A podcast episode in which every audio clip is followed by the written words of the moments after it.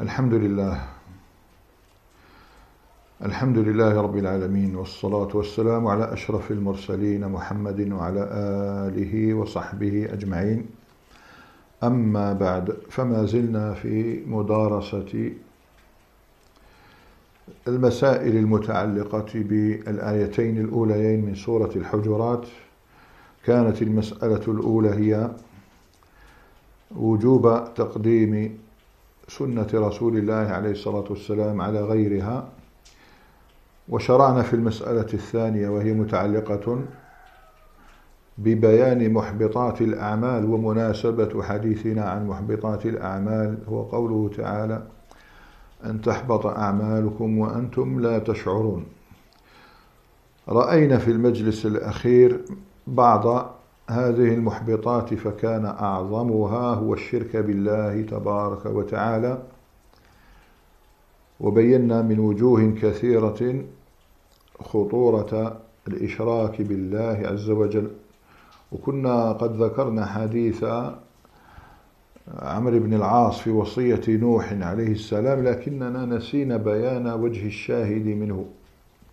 بينا وجه أو الشاهد من خطورة الشرك وهو أن إذا أنه إذا كانت لا إله إلا الله هذه الكلمة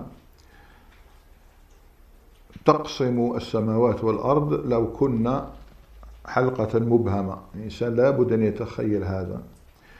السماوات على عظمها والأرض على عظمها لو كنا حديدة مبهمة. علاش قال حلقة؟ لأن الحلقة هي جزء من حلقات السلسلة. السلسلة اشتها عندها حلقات يتصل بعضها ببعض. تخيلت السماوات والأرض كلها حلقة مبهمة مغلقة شديدة لا إله إلا الله تكسيرها وتقسيمها. هنا يظهر خطورة الشرك لأن الشرك ينقض لا إله إلا الله. انظروا ماذا فعل الشرك. يعني ينقض يكسر ما كسر السماوات والأرض لو كنا حلقة مبهمة لكن الشاهد من خطورة الشرك هناك شيء أعظم مما ذكرته ولم نذكره في اللقاء الآخر. أين هو؟ نوح عليه السلام نراه يوصي ابنه. ابنه ويحذره ويقول أنهاك عن اثنتين وآمرك باثنتين أنهاك عن الشرك والكبر. وأمرك بلا إله إلا الله وسبحان الله وبحمده فإنها صلاة كل شيء وبها يرزق الخلق. إحنا كي نشوفوا الحديث هكذا في الظاهر نقراه ونجوزوا عادي لكن في الحقيقة لابد أن نقف أن نوحا يوصي ابنه مع أن ابنه عاين عقوبة الشرك. شاف يعني أمر عظيم الإنسان لو كان يشوفه مثلا من أمثالنا نقعدوا سبعين سنة وإحنا متذكرين ذلك المشهد أن ترى الناس يغرقون في طوفان عظيم عم الأرض كلها. هذا ليس أمرا سهلا. شيء أمر يعني يسهل نسيانه. إحنا بالمنطق نتاعنا الضعيف الضئيل نقولوا كيف توصي ابنك؟ ولا شك إنه لن ينسى ما رآه. لا. لا يأمن نبي على نفسه ولا ولده الشرك بالله. هذا جواب لمن يقول ويوهن من الدعوة إلى توحيد الله عز وجل أو تذكير الناس بالتوحيد وأهميته بين الفينة والأخرى والتحذير من الشرك ومظاهره بين حين وآخر. الإنسان ما لازمش يستهين بهذا. لماذا؟ لأن الأنبياء ما استهانوا. وهذا هو منهج الرسل. منهج رسول الله عز وجل أنهم كانوا بين الفينة والأخرى يذكرون العباد بهذا.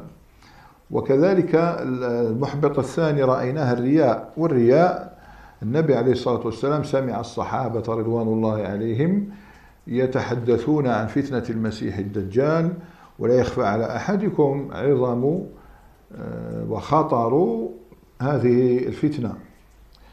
آه، لم يحذر منها رسول الله وحده صلى الله عليه وسلم وإنما كما جاء في الحديث في سنن ابن ماجه قال ما من نبي لاحظ هذه من هذه مهمة. ما قالش ما نبي إلا حذر أمته الدجال. لا ما من نبي هذه من الاستغراقية. من تفيد الاستغراق توكيد تماما. ما كاش نبي ما حذرش أمته الدجال. يعني نفهم من هذا أن نوحا وإبراهيم وشعيبا وصالحا وهودا وغيرهم من الأنبياء كلهم كانوا يحذرون أمتهم هذا الدجال وهذه الفتنة. الصحابة كانوا يتحدثون عنه وعن آه، عظم فتنته فقال عليه الصلاة والسلام غير الدجال أخوفني عليكم إنما أخشى عليكم الشرك الخفي. الشرك الخفي؟ قال وما الشرك الخفي؟ قال الرياء فإنه أخفى من دبيب النمل. النملة أنت ما تشوفش أصلا ما تحس بها. هكذا أحيانا الإنسان يقع في الرياء في الشرك الأصغر وهو لا يشعر. ودواؤه كما جاء في حديث أبي موسى الأشعري ماذا بسعيد الخدري أيضا قالوا ما نقول؟ قالوا اللهم إنا نعوذ بك أن نشرك بك شيئا نعلمه ونستغفرك لما لا نعلمه. هذا الدعاء يؤمنك الوقوع في مظاهر الرياء وهي كثيرة. يعني إنسان أحيانا هي أكبر معركة يخوضها المسلم ولا يزال يخوضها حتى تصبح لديه ملكة في فيوفقه الله لاجتناب الرياء. يعني يحتاج تعاهد مع النفس ثم يصبح لك مجانبة الرياء يصبح لك شيء ملكة. هذا من فضل الله على العبد. المحبط الثالث الردة. تحدثنا عن الردة وبعض المسائل المتعلقة بها. والردة جاءت تعالج وتحمي مقصدا من مقاصد الشريعة الخمسة. أولها الدين. الدين. هي جاءت تحمي حد الردة جاء يحمي الدين. لأننا لو فتحنا باب الردة لا دخل الريب والشك في قلوب المؤمنين. لذلك لا يتساهل الحاكم مع المرتدين إما أن يعودوا إلى هذا الدين وإما أن يقاتلوا كما أمر به النبي الأمين صلى الله عليه وسلم من بدل دينه فاقتلوه. عام يشمل النساء والرجال. خلافا لمن خص هذا بالنساء بالرجال فقط. لا هو عام. الردة لا يتسامح فيها وتحدثنا عن بعض المسائل الفقهية المتعلقة بها. رابعا وهو قلنا ترك صلاة العصر نمشي مع النصوص. من ترك صلاة العصر فقد حبط عمله كما في الصحيح. مع أن كل صلاة هي تركها يعد من أكابر الذنوب واختلف العلماء في حكم تارك الصلاة. وهنا نتحدث عن أمرين. اثنين الأول هو ما ذكره هو من أعاجيب ما ذكره العلماء. هو ما ذكره الإمام العراقي رحمه الله في طرح التثريب في الجزء الأول من كتابه. قال حدثني أحد أشياخنا عن بعض المغاربة. شوف المغرب العربي كيف كان قديما تلك البيئة. عن أحد المغاربة الفقهاء قال إن مسألة ترك الصلاة مسألة افتراضية. أي لا وجود لها عنده. كاش تارك صلاة ما يعرفوش هذا تارك شو هذا يترك صلاة لكن نتحدث عنها نظرية يعني نظريا نتحدث عنها هاولك الحكم. لكن قال لك افتراضية ما عندناش إحنا اللي يتركوا الصلاة. شوف البيئة إذا كانت قوية. وأما النقطة الثانية قلت ذيك المرة يعني مسألة ترك الصلاة الإنسان اليوم يتحدث عنها للترهيب من تركها وإلا لا ينبغي العمل بما ترجح لديه إذا ترجح لديه كفر تارك الصلاة. وذلك لماذا؟ لأن من شروط لأن من شروط التكفير الحكم بالتكفير. إنه التكفير حكم شرعي. التكفير حكم ما يخلعكمش هذا الناس اللي يجي يقول لك فتنة التكفير. لا التكفير حكم شرعي. كيف يكون فتنة؟ هو إحنا نحدد فتنة الغلو في التكفير. آه الغلو في التكفير هو الفتنة. لكن التكفير في حد ذاته هذا حكم شرعي. نقرأه في الفقه. من فعل هذا فقد كفر من فعل هذا فقد فسق. إخلاش يعني. إذا فأنت إذا أردت أن تبين تتحدث في المسألة تتحدث في الترهيب منها وإلا في الواقع لا. لأن قلت من شروط التكفير هو إقامة الحجة وإزالة الشبهات هذا معروف هذا أمر متفق عليه بين العلماء. كيف تكفر شخصا هو يتبع الأئمة ثلاثة؟ بل جمهور العلماء. كيف؟ إيه، بعض الناس مثلا يجي يقول لك لا أنا أعتقد كفره إيه تعتقد خليه الداخل لا يمكن أن آه، تحكم عليه وتقول أنت كافر. لا لماذا؟ لأنه هو راه يتبع الإمام مالك والشافعي والإمام أحمد والأوزاعي الليث بن سعد كلهم قالوا بعدم تكفير تارك الصلاة إذا تركها تكاسلا وتهاونا أكبر شبهة هذه كيف أنت الآن تجري عليه الحكم؟ فلذلك الإنسان لابد أن يتريث في هذه القضية يتحدث عنها ولا يخوض في إنزال أي لا ينزل هذا الحكم على أعيان. لا ينزل لماذا؟ لأنهم لا يعتقدون أن تارك الصلاة كافر. هذا الإنسان باش الإنسان باش ما يتكلمش بزاف ويضيع الوقت في مسألة في الحقيقة نحن نحتاج منها آثارها. نحتاج منها آثارها. ولا يمكن أن تنزل أثرها على الناس وهم كما مرة من هذا في الحقيقة من مضحكات المبكيات. فأنت تقول له يا أخي الكريم نحن لا من من؟ من أشرك بالله لا, نكف لا نحكم بكفره عينا حتى نقيم عليه الحجة ونزيل عليه الشبهة. تصيب واحد ساجد للصنم تكفره؟ كان تسأله باك يقول بالك يقول لك اتخذتها سترة. يديرها سترة. مانيش نصلي ليه يمكن لا لا يمكن. إذا ما تحكمش على العين على العين تحكم على الفعل. الفعل هذا كفر. السجود للصنم كفر. الآن فلان لا ننظر الواحد لماذا سجدت للصنم؟ يقول هذا الصنم والله ما رأيته أصلا. أو إنما اتخذته سترة. أو آه، أعتقد أنه لا يكفر الإنسان إذا سجد للصنم. نفهمه لا هذا كفر. قلت فإذا كنا لا نكفر الذي وقع في عمل كفر حتى نقيم عليه الحجة ونزيل عنه الشبهة فكيف نحكم؟ ترك كفر تارك الصلاة وقد اتبع أئمة أعلام. في هذا أنه لا يكفر. أكبر شبهة لديه هو هذا. ومن قلت المضحكات المبكيات أنه قال يا أخي يا شيخ أنا أعتقد كفره ولقد أوصيت لا بهذا اللفظ ولقد أوصيت والدي إن أنا مت أن لا يرثني أخي تارك الصلاة. لأنه لديه أخ تارك الصلاة. وهذا يدل على جهل هذا الشخص. لماذا؟ قلت له والله آه لو كان أخوك يصلي بالناس في الحرم لما ورثك لوجود الأب.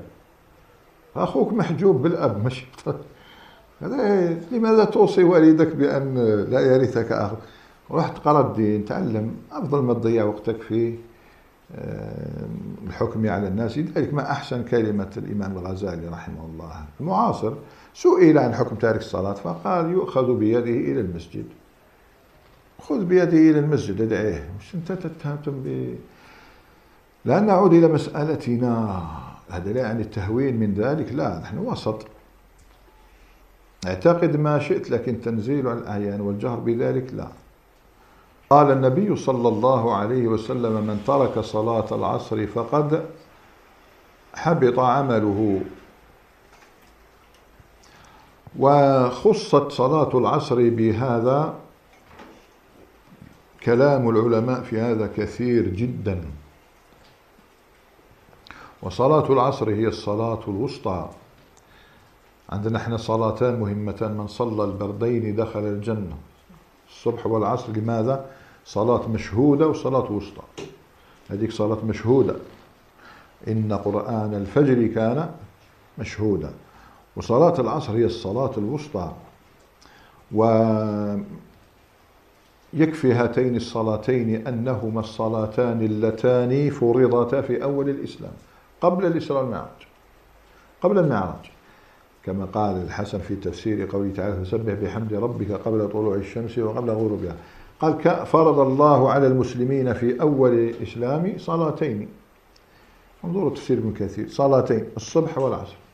فلما عرج بالنبي صلى الله عليه وسلم إلى السماء فرض الله خمس صلوات. فهاتان صلاتان عظيمتان. لماذا خصت صلاة العصر بهذا؟ طبعا صلاة العصر لماذا سميت وسطى وعظمت وهكذا؟ لأن في هذاك الوقت عباك الناس تنتشر فيها التجارة. أكثر وقت ينتشر فيها التجارة وليذهب إلى البيئة العربية يجد هذا. حتى بعض الولايات هنا في في القطر هذا في الصحراء في الجنوب تنتشر التجارة بقوة في صلاة العصر فيكثر تركهم لها فنبههم على ذلك. خاصة بحديث رائع من ترك من فاتته صلاة العصر فقد فكأنما وتر أهله وماله. وتر بمعنى قطع وفقد ولن يتركم أعمالكم أي لن ينقصكم لا ينقصكم أعمالكم. أنت راك تسعى للتجارة من أجل تحقيق الرزق والقيام على الأهل والولد. دير في بالك إذا فاتك صلاة العصر كأنما فقدت مالك وولدك الذي تسعى إليه.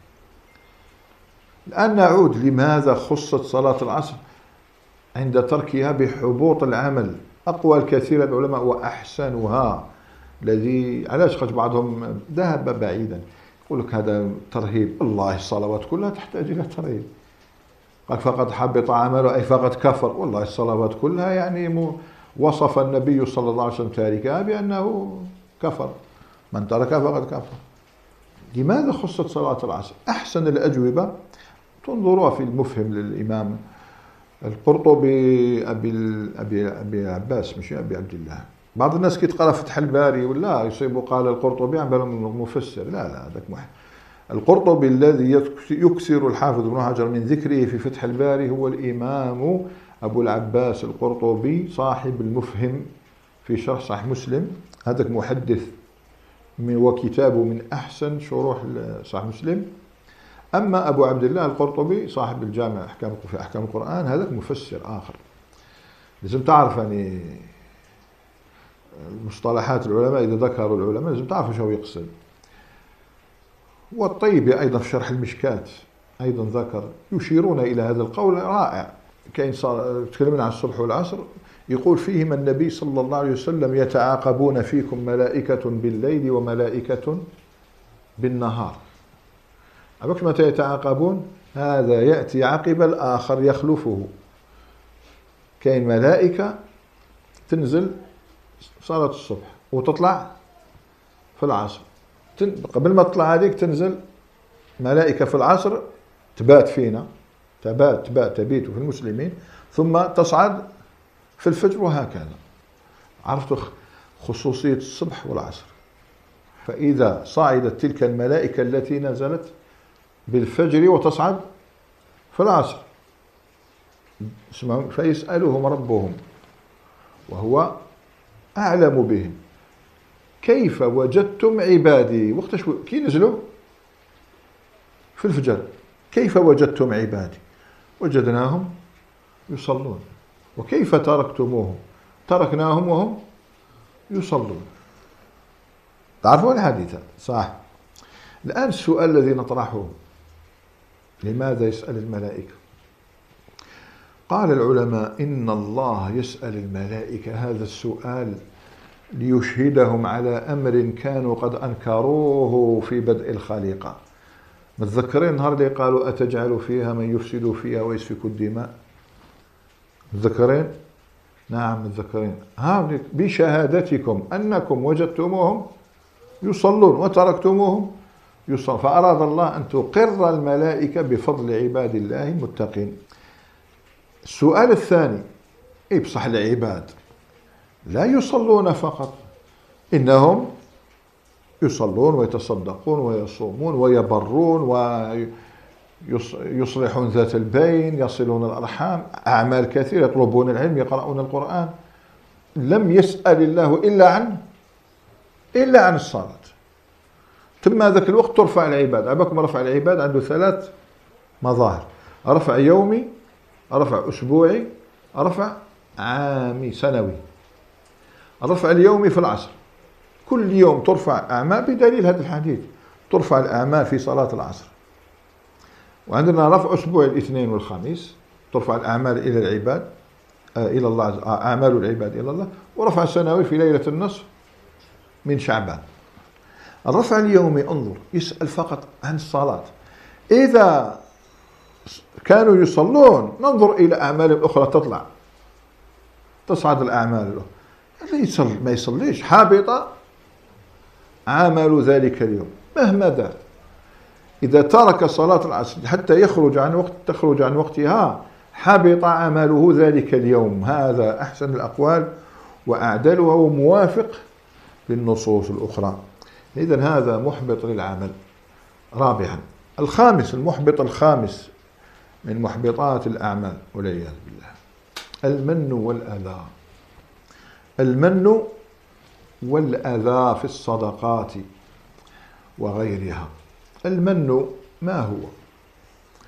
المن في اصطلاح الفقه هو تعداد النعم على سبيل التقريع على سبيل التقريع.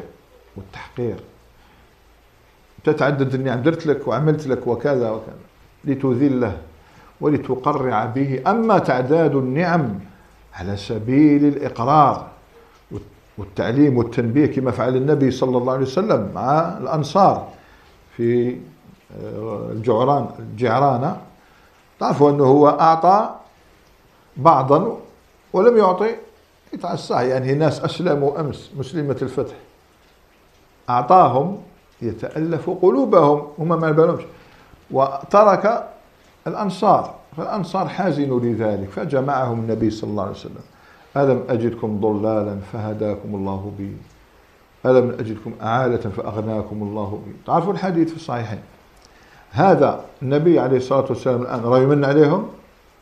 لا حتى هم قالوا منا لله ولرسوله. ما هوش منا عليهم على سبيل التقريع ولكن ليعرفوا أن النبي صلى الله عليه وسلم لا يتصرف بهوى وإنما يتصرف بوحي من الله عز وجل ويريد أن يتألف قلوبهم إذا هذا المن وهو من الكبائر. وهو من الكبائر كما جاء في حديث أبي ذر ثلاثة لا يكلمهم الله يوم القيامة ولا يزكيهم ولا ينظر إليهم ولهم عذاب أليم. فذكر منهم المنان وهو الذي يمن على الناس كما ذكرنا. فإذا هو من الكبائر وهو مأخوذ من المن وهو القطع لأنه يقطع الأجر تاعك. ومنه ما آه، ما أنت بنعمة ربك بمجنون آه، وإن لك لأجرا غير ممنون غير مقطوع. ومنه سمي الموت المنون ريب المنون المنون.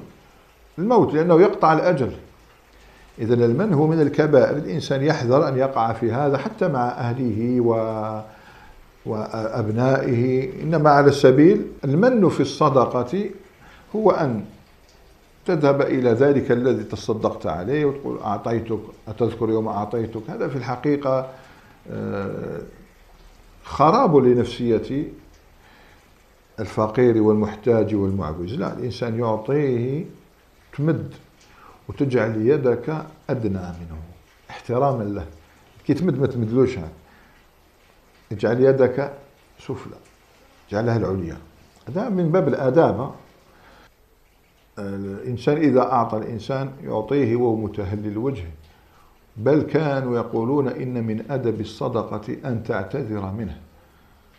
لأنني تأخرت في إيصال حقك لك. هذا حق ربي أعطاك هذا الحق وجعلني فقط وسيلة لإيصاله. أدب ولا تمن هذا إنسان يمن. والأذى أن تؤذيه بالكلمة تعطيه وتقول له ما أشد سؤالك ما أكثر مسألتك. هذا أذى. الله تعالى جعل المن والأذى من محبطات الصدقات. قال الله تعالى الذين آمنوا لا تبطلوا صدقاتكم بالمن والأذى ثم ضرب مثلا ضرب بعصفور بحجر. يبين لك خطورة المن والأذى وشبهه بالرياء. فما الرياء؟ أيضا يبطل الصدقة. لا تبطلوا صدقاتكم بالمن والأذى كالذي ينفق ماله رئاء الناس. تدخل علاش؟ هنا ويتكلمك هو على المن والأذى يحذرك منه ويحبط الأعمال. إيه حب يدخل لك الرياء من باب أولى أو يشبه لك بالرياء. كالذي ينفق ماله رئاء الناس. ولا يؤمن بالله واليوم الآخر فمثله كمثل صفوان والصفوان هي حجارة ملساء جدا. منه الصفا. صفوان هو الإنسان. باش تتشبه صفوان هو الإنسان. عليه تراب هو عملك الصدقة التي تصدقت بها. فأصابه وابل الوابل هو الرياء أو المن والأذى فأصابه وابل فتركه صلدا.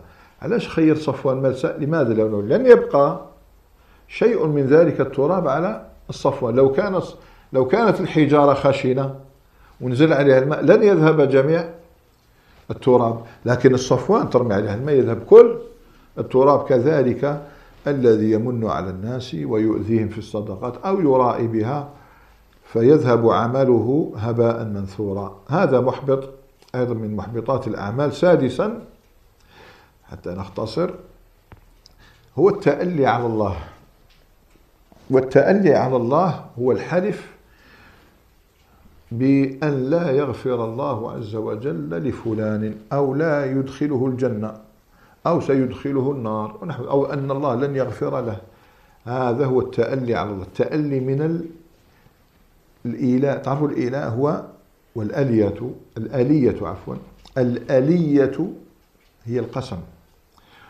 وعندنا باب في الفقه اسمه الإيلاء والإيلاء هو أن يقسم الرجل أن لا يقرب زوجته مدة معينة.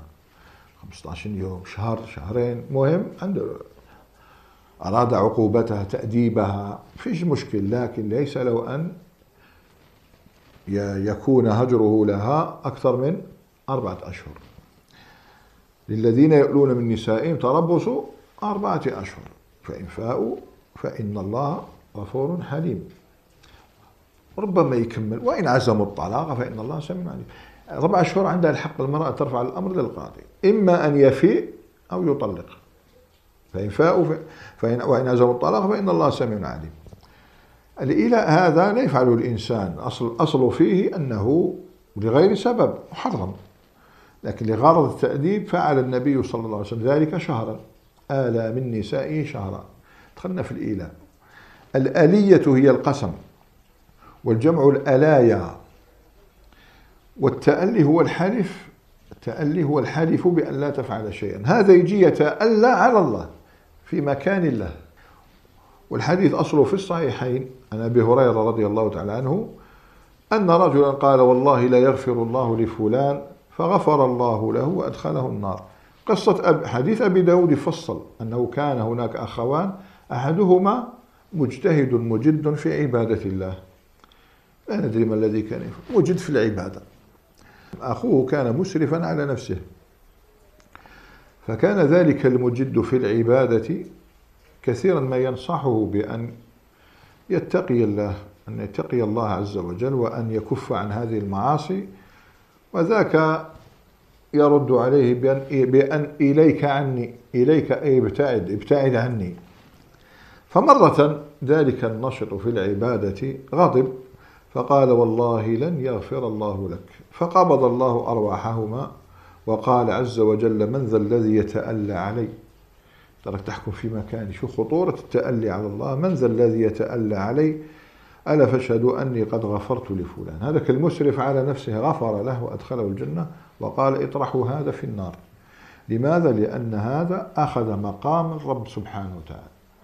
الله وحده هو الذي يحكم على العباد. هذا يدخل الجنة ولا ما يدخلش الجنة؟ يغفر له ما يغفر له. فالإنسان يحذر من هذا المطب ويدخل أحسن أحسن مثال. هذاك الحديث المشهور إن الرجل لا يتكلم بالكلمة من سخط الله لا يلقي بالا تهو به في النار سبعين خريفا. أحسن مثال هو هذا.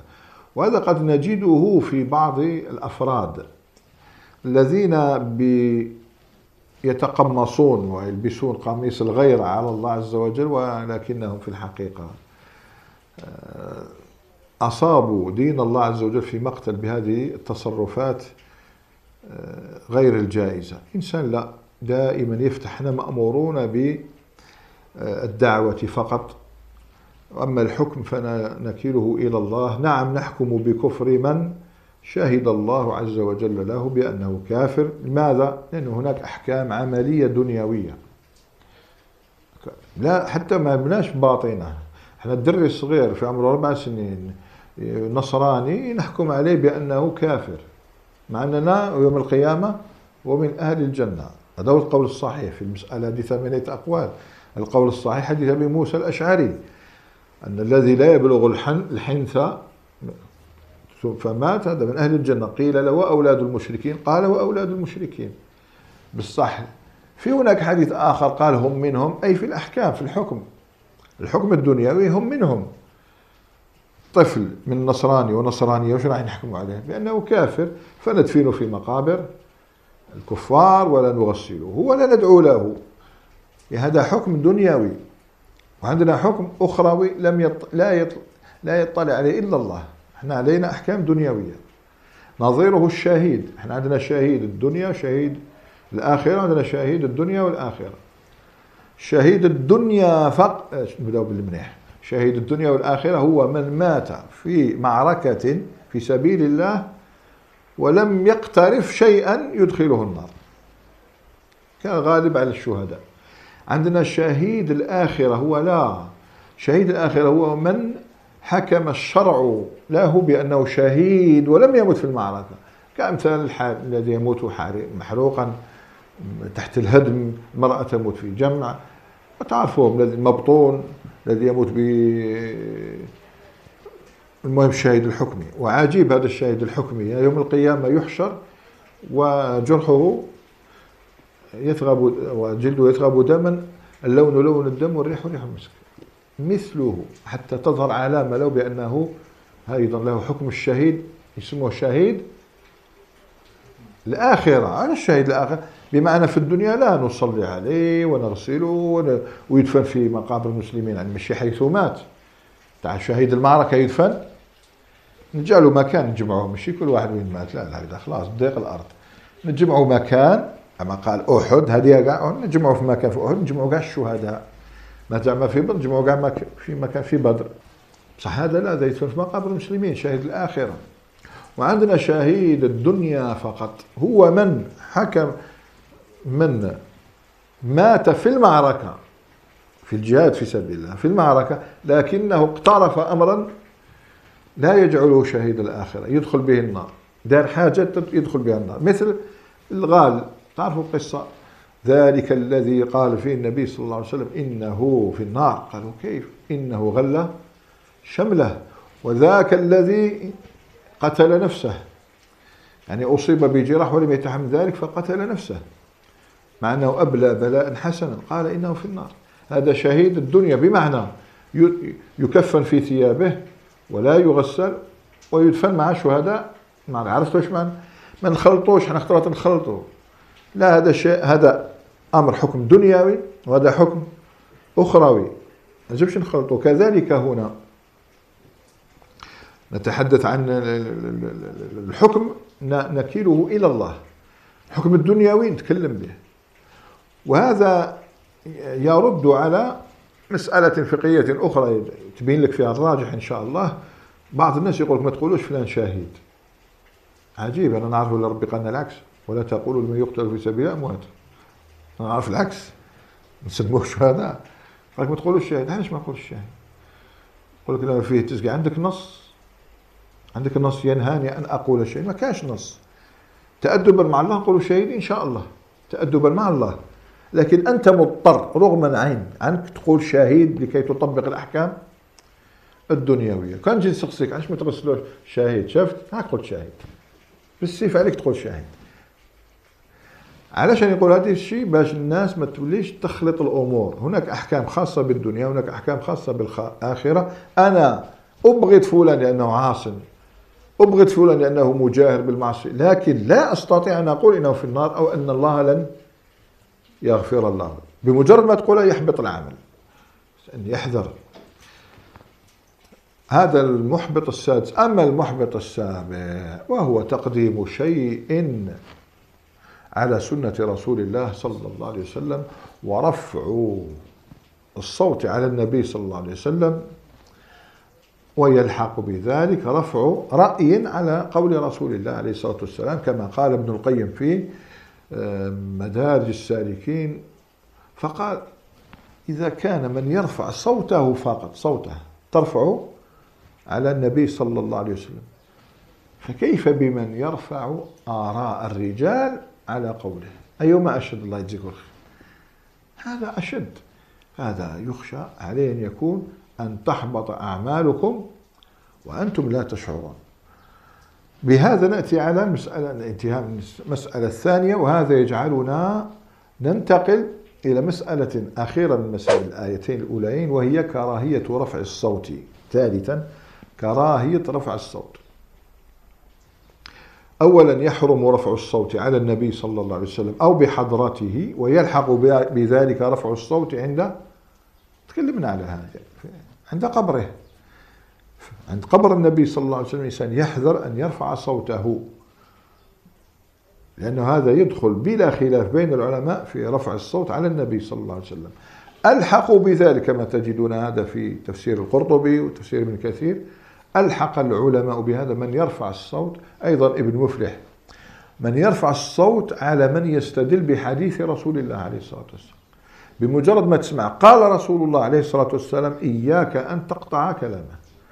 خلاص هنا النبي صلى الله عليه وسلم أو يتكلم فانصت إلى الحديث أكملت. هاولي هذا حديث ضعيف أو صحيح لكنه كذا. لكن أن تقطع عليه حديث النبي عليه الصلاة والسلام فكأنك قطعته على رسول الله عليه الصلاة والسلام. القرطبي زاد شوي قال لك ويلحق بذلك العلماء. نعم العلماء ورثة الأنبياء. هذا الحديث ذو حدين ذكرنا هذا الحديث ذو حدين. إيش معنى ذو حدين؟ بمعنى أنه الإنسان ما يأخذش منه الجانب المشرق فقط بل أيضا يأخذ منه جانب المحرق المشرق والمحرق. الغرم بالغرم أنتم ورثة الأنبياء ماشي ما تنعظموكم فقط غير في التعظيم ونديروا نقدموكم في المجالس ونخدموكم. تنساش باللي كاين العلماء ورثة الأنبياء الأنبياء أشد الناس بلاء. كما تورث العلم والمنزلة أورث البلاء. ماشي في البلاء دورها تقول لا لا لازم الإنسان يصبر. ربي أعطاك منزلة عظيمة جدا أنك وارث النبي عليه الصلاة والسلام هذا فضل وشرف عظيم جدا. لكن مو بس في الغنم أيضا في الغرم تذكر بلك احتبتنا ماشي مع أول بلاء ترفع الراية البيضاء. لكن هل يعني ذلك أنه يجوز رفع الصوت في غير هذا؟ لا. العلماء قالوا إن رفع الصوت من غير فائدة إن رفع الصوت من غير فائدة من غير علة. لكن سطروا على كلمة من غير فائدة ومن غير علة. مكروه كراهة شديدة وبعضهم قال بالتحريم. قال ظاهر التشبيه في القرآن التحريم. أين وقع هذا التشبيه؟ في سورة لقمان. واقصد في مشيك. امشي منيح تمشيش متكبر. واقصد في مشيك. واغضض من صوتك. إن أنكر الأصوات إلى صوت الحمير. هي العلة. إن أنكر الأصوات إلى صوت الحمير. علاش؟ لازم نفهموا البيئة. ذكر ذكرنا هذا في اللقاء الأخير. عيشوا في البيئة العربية تفهم النصوص. العرب كي تقرأ الأدب العربي تجد أقوال كثيرة للعرب يمدحون جاهير الصوت. الإنسان اللي يرفع صوته في الهضرة. هذا عندهم من من السادة. واحد يمدح أحد العرب شو يقول فيه؟ جهير الكلام جهير العطاس. حتى كي يعطس ويجهر منيح عجيب. جهير الكلام جهير العطاس جهير الرواء جهير النعم. هذا إنسان كي يتكلم يجهر. الله قال كي يعطس يجهر. والرواء نتاعو الرؤية نتاعو يعني بادية للعيان. صاحب جمال ومظهر. والنعم نتاعو الخير نتاعو أيضا جهير. شوف الآثر تاعو في الناس. يمدحه باش بجهير الكلام. فالله تعالى يقول للعرب من يجهر بصوته من غير حاجة. طبعا هذا لا يدل على فضله. ولو كان الجهر بالصوت اسمع منها الآية ولو كان الجهر بالصوت دليلا على السيادة والفضل لكان الحمار أكثر فضلا. لأن أنكر الأصوات صوت غاية هو كلام القرطبي غاية ما تصل إليه أنك ستتشبه بالحمار. ماكش حتشبه لا بفضل ولا بسيد. لا اغضض من صوتك واغضض من صوت الإنسان لا يرفع صوته إلا بقدر الحاجة.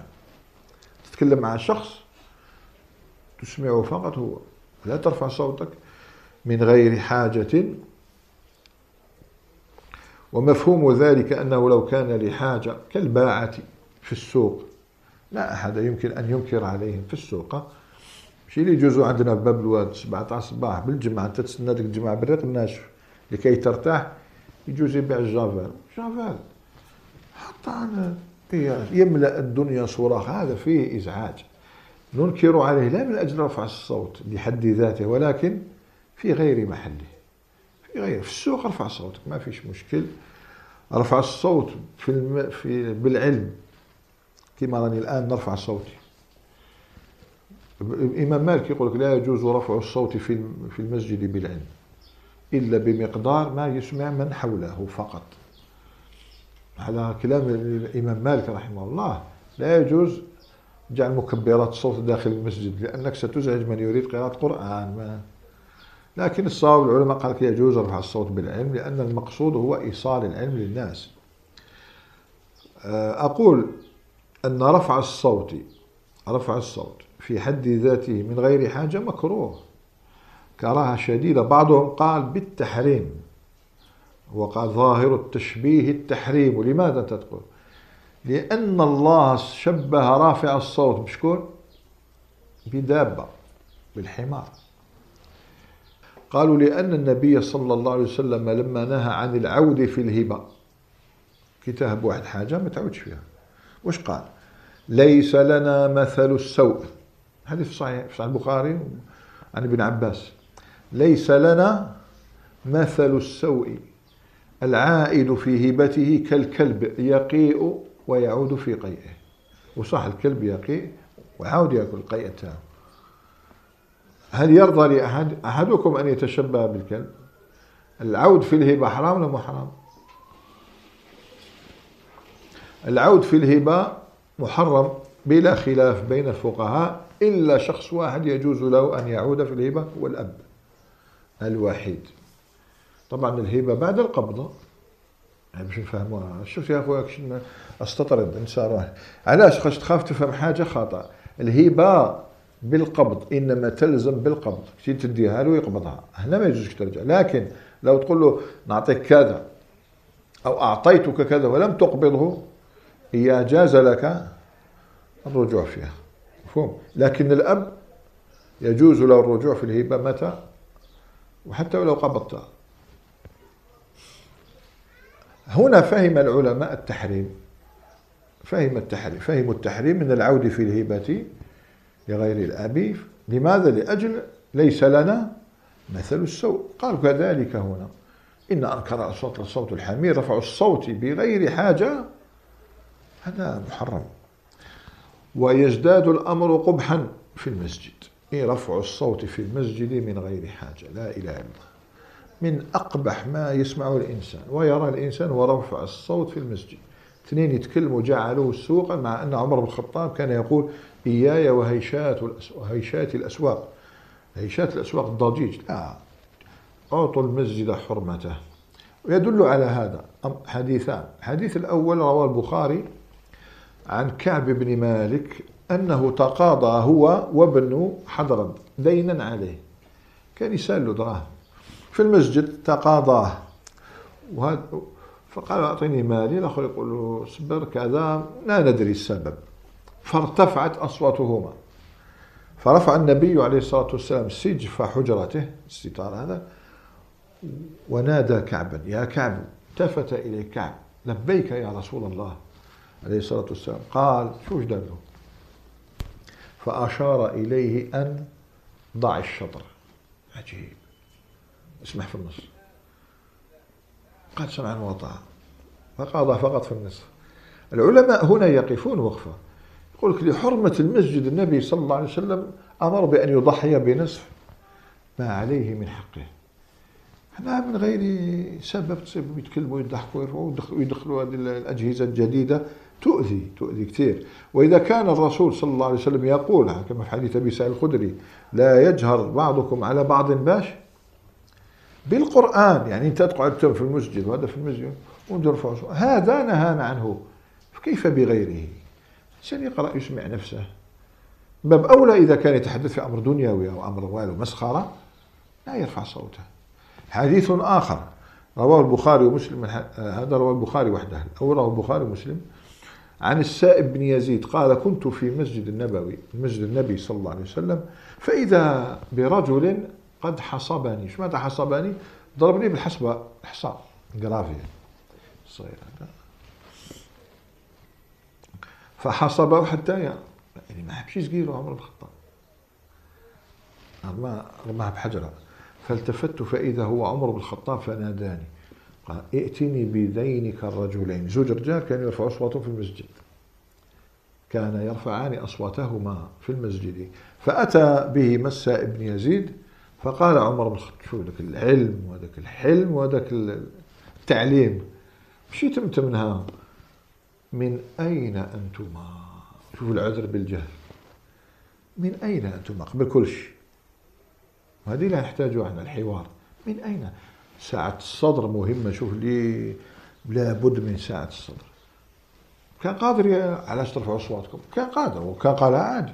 من أين أنتم قبل كل شيء لماذا؟ لأن الذي يعيش في بيئة علمية ليس كمثل الذي يعيش في بيئة غير علمية. قال له من الطائف. بعد. يعني ما كان فيهاش علم كما تاع المدينة. أما أنكما لو كنتما من أهل المدينة لأوجعتكما ضربا ترفعان أصواتكما فوق في عند في مسجد رسول الله صلى الله عليه وسلم. وش تفهم؟ بلي نعذر الإنسان البعيد الجاهل نعذره. يعني لابد نعلموه متى يتعلم فهنا حلم وعلم وتعليم وغير ذلك ويعلمنا الحوار حتى الله تعالى كان قادر إبليس. خلاص ثم في هذيك اللحظة يلقيه في النار. لا ما منعك ألا تسجد إذ أمرتك. مش عندك عذر. هنا يعلمنا ربي سبحانه وتعالى أن نسأل دائما قبل كل شيء ما حملك على هذا؟ مش الإنكار المباشر. ما حملك لما شيء قادر غير ما يدعيش. لا يدعو. لأن الأمر بالمعروف والنهي عن المنكر يحتاج إلى ساعة صبر. ما حملك علاش درت هذا الشيء؟ قال كنت أظنه جائزا لا أخي. هؤلاء كتبين الحكم الشرعي. بهذا نأتي على آه، نهاية الكلام عن هاتين الآيتين بهذه المناسبة الحديث عن رفع الصوت ربي وش قال؟ في المقابل وش قال؟ إن الذين يغضون أصواتهم عند رسول الله أولئك الذين امتحن الله قلوبهم للتقوى. لهم مغفرة وأجر عظيم. إن هاي المناسبة بعد ما نهى عن رفع الصوت مدح من يغض الصوت. إن الذين يغضون أصواتهم. الغض في الأصل هو اللين والطراوة. الشيء اللين والطارين يقولوا عليه غض. هذا الأصل في اللغة. ومنه الحديث آه، ابن ماجه يعني ابن مسعود أبوكش قال جاء إلي أبو بكر الصديق وعمر بن الخطاب يبشراني بقول الرسول صلى الله عليه وسلم من سره أن يقرأ القرآن غضا طاريا فليقرأه على قراءة ابن أم عبد. يعني ابن مسعود تحب تقرأ القرآن كي منزل؟ لم يحرف فيه شيء لا حرف لا هذا شهادة عظيمة لعبد مسعود فليقرأه على قراءة ابن أم عبد عبد الله بن مسعود رضي الله عنه. إمام في القرآن. إذا هذا الغد. ثم استعمل مطلقا في الخفض. علاه الإنسان كي نحب تكيت لين تخفض. اللين يقتضي الخفض. فاستعمل الغض في الخفض. سواء غض الصوت خفض الصوت أو خفض البصر. غض البصر. عرفنا؟ إحنا مع الأول كاع استعمل الغض بمعنى الخفض لأن الغض يقتضي الخفض في الكلام. باش تجعل كلامك لين طري لازم تخفض من صوتك. صح؟ ثم استعمل خلاص ما دام ولا الخفض الغض بمعنى الخفض يلا نطلق الغض على غض. على خفض البصر. فسمي غض البصر معروف. غض البصر أمرنا بغض البصر في حالتين اثنتين حالة مادية وحالة معنوية. الحالة المادية غض البصر عن النساء. وهذه الفريضة المهجورة هذه الأيام للأسف الشديد وأعني ما أقول بل صاروا يأتون ما هو أعظم. لأن النظر إلى المرأة المباشرة التي تجلس أمامك أو التي تمر هذا صعب. صعب أن لا صعب أن تنظر إليها. إيه صعب أن تنظر إليها. لأنك لو نظرت إلى المرأة مرة كل الناس سيتهمونك في دينك ولا لا؟ باللحية مثلا إنسان ما شاء الله متدين ينظر إلى المرأة. لكن من الذي سيمنعك من النظر إليها في التلفاز ولا في على الأجهزة هذه الجديدة؟ من الذي سيمنعك؟ ما كاش حياء يمنعك من الناس. نحن نبتعد عن الشيء المحرم خوفا من الله إذا ضعف الخوف حياء من الناس. وإذا لم تستعي تصنع ماشي راح الخوف راح الحياء حدير واش تحب. الوسائل هذه العصرية هذه حرمتنا. يعني إذا ضعف خوفنا من الله ولا شك أنه ستمر بنا مراحل يضعف. الإيمان يضعف. حرمتنا من ما فيش وازع يزعنا من ترك النظر إلى النساء في هذه في هذا الأجهزة وللأسف كأنه صار أمر عادي. هذه وش حبيت نقول ولا أمر عادي. يجي واحد يجي يقول لك روح تشوف هذا أمر يضحك. مثلا مش تجي امرأة نصف عارية تقول وش بيك مجنون هو كان تقول له هكذا ويحسبك مجنون؟ هاك عايش. الإنسان يحذر لا. غض البصر فرض وإطلاق البصر محرم. لكن النظرة الأولى وعليك النظرة الثانية. فالإنسان يحذر ولنحيي هذا الفرض بين الشباب. تاعنا كاين امرأة ابتليت برجل من بني نمير في في السوق. قاعد يشوفها. قالت له ما رعيت حق الله ولا حق الشاعر. لا لازم قصة ما رعيت حق الله ولا حق الشاعر. الإنسان اللي ما يعرفش القصة هذه ما يقدرش يفهم كلامها. بكري في العصر الأموي كان هناك شعراء النقائض هم ثلاثة. جرير وفحل من فحول وفرزدق همام بن غالب التميمي. وعندنا الأخطل النصراني كان واحد جاي يزاحم تعرف من ذاك تصيب واحد يزاحم ملحق آناكس. اسمه الراعي النميري. هذا الراعي النميري له شعر بالنسبة إلينا جيد لكنه مثل هؤلاء الثلاثة. مرة جرير بن عبد آه، جرير بن عطية الخطف هذا الشاعر مع الفرزدق هاجا أحدهما الآخر. هذا مثل النقائد شعراء النقائد أي هذا ينقض كلام الآخر هذا ينقض كلام الآخر. فحكمه جعلوه حاكما. الراعي النميري المفروض ما يحكمش ما يدخلك وش جابك ال... إيه ديما هو لك غير عييك يعني يجبد روحك. ها دوك تخلصها غالية فرجح قصيدة الفرزدق الجرير غضب. أنت دوك فأقام في قصيدة إلى الآن من أروع القصائد البائية نتاعو أقل اللوم عاذلة والعتابة. وقولي إن أصبت لقد أصاب حتى بلغ. فغض الطرف إنك من نمير فلا كعبا بلغت ولا كلابا ما رك غض الطرف إنك من نمير. ما وصلت لقبيلة كعب ولا كلاب. هذا المرأة هذه واحد آه، كان ينظر إليها في السوق فقالت له اتق الله فإنك ما رأيت حق الله ولا حق الشاعر. قال وما حق الله وما حق الشاعر؟ قال أما حق الله قل للمؤمنين وقل للمؤمنين غضوا من أبصارهم. غض. وأما قول الشاعر فغض الطرف انك من نمير. مرقت له بلي من نمير؟ مرقت له فغض الطرف إنك من نمير فلا كعبا بلغت ولا كلاب. هذا الأمر المادي الذي يجب علينا أن نغض الطرف عنه. أما الأمر المعنوي فهو ولا تمدن عينيك إلى ما متعنا به أزواجا منهم زهرة الحياة الدنيا لنفسنا فيه غض الطرف عن الدنيا. الإنسان يحاول قدر الإمكان أن لا ينظر إلى ما لا يستطيع تحصيله. لأنه سينزل من مرتبة الشكر إلى مرتبة الصبر. والإنسان إذا عاش مرتبة الصبر يخشى عليه أن يقع في مرتبة الكفر اللي هي كفر النعمة. إحنا الآن نحمد الله عز وجل وعاجزون نعترف بأننا عاجزون على شكر نعم الله. أنا في نعم عظيمة. عندك سيارة عندك بيت.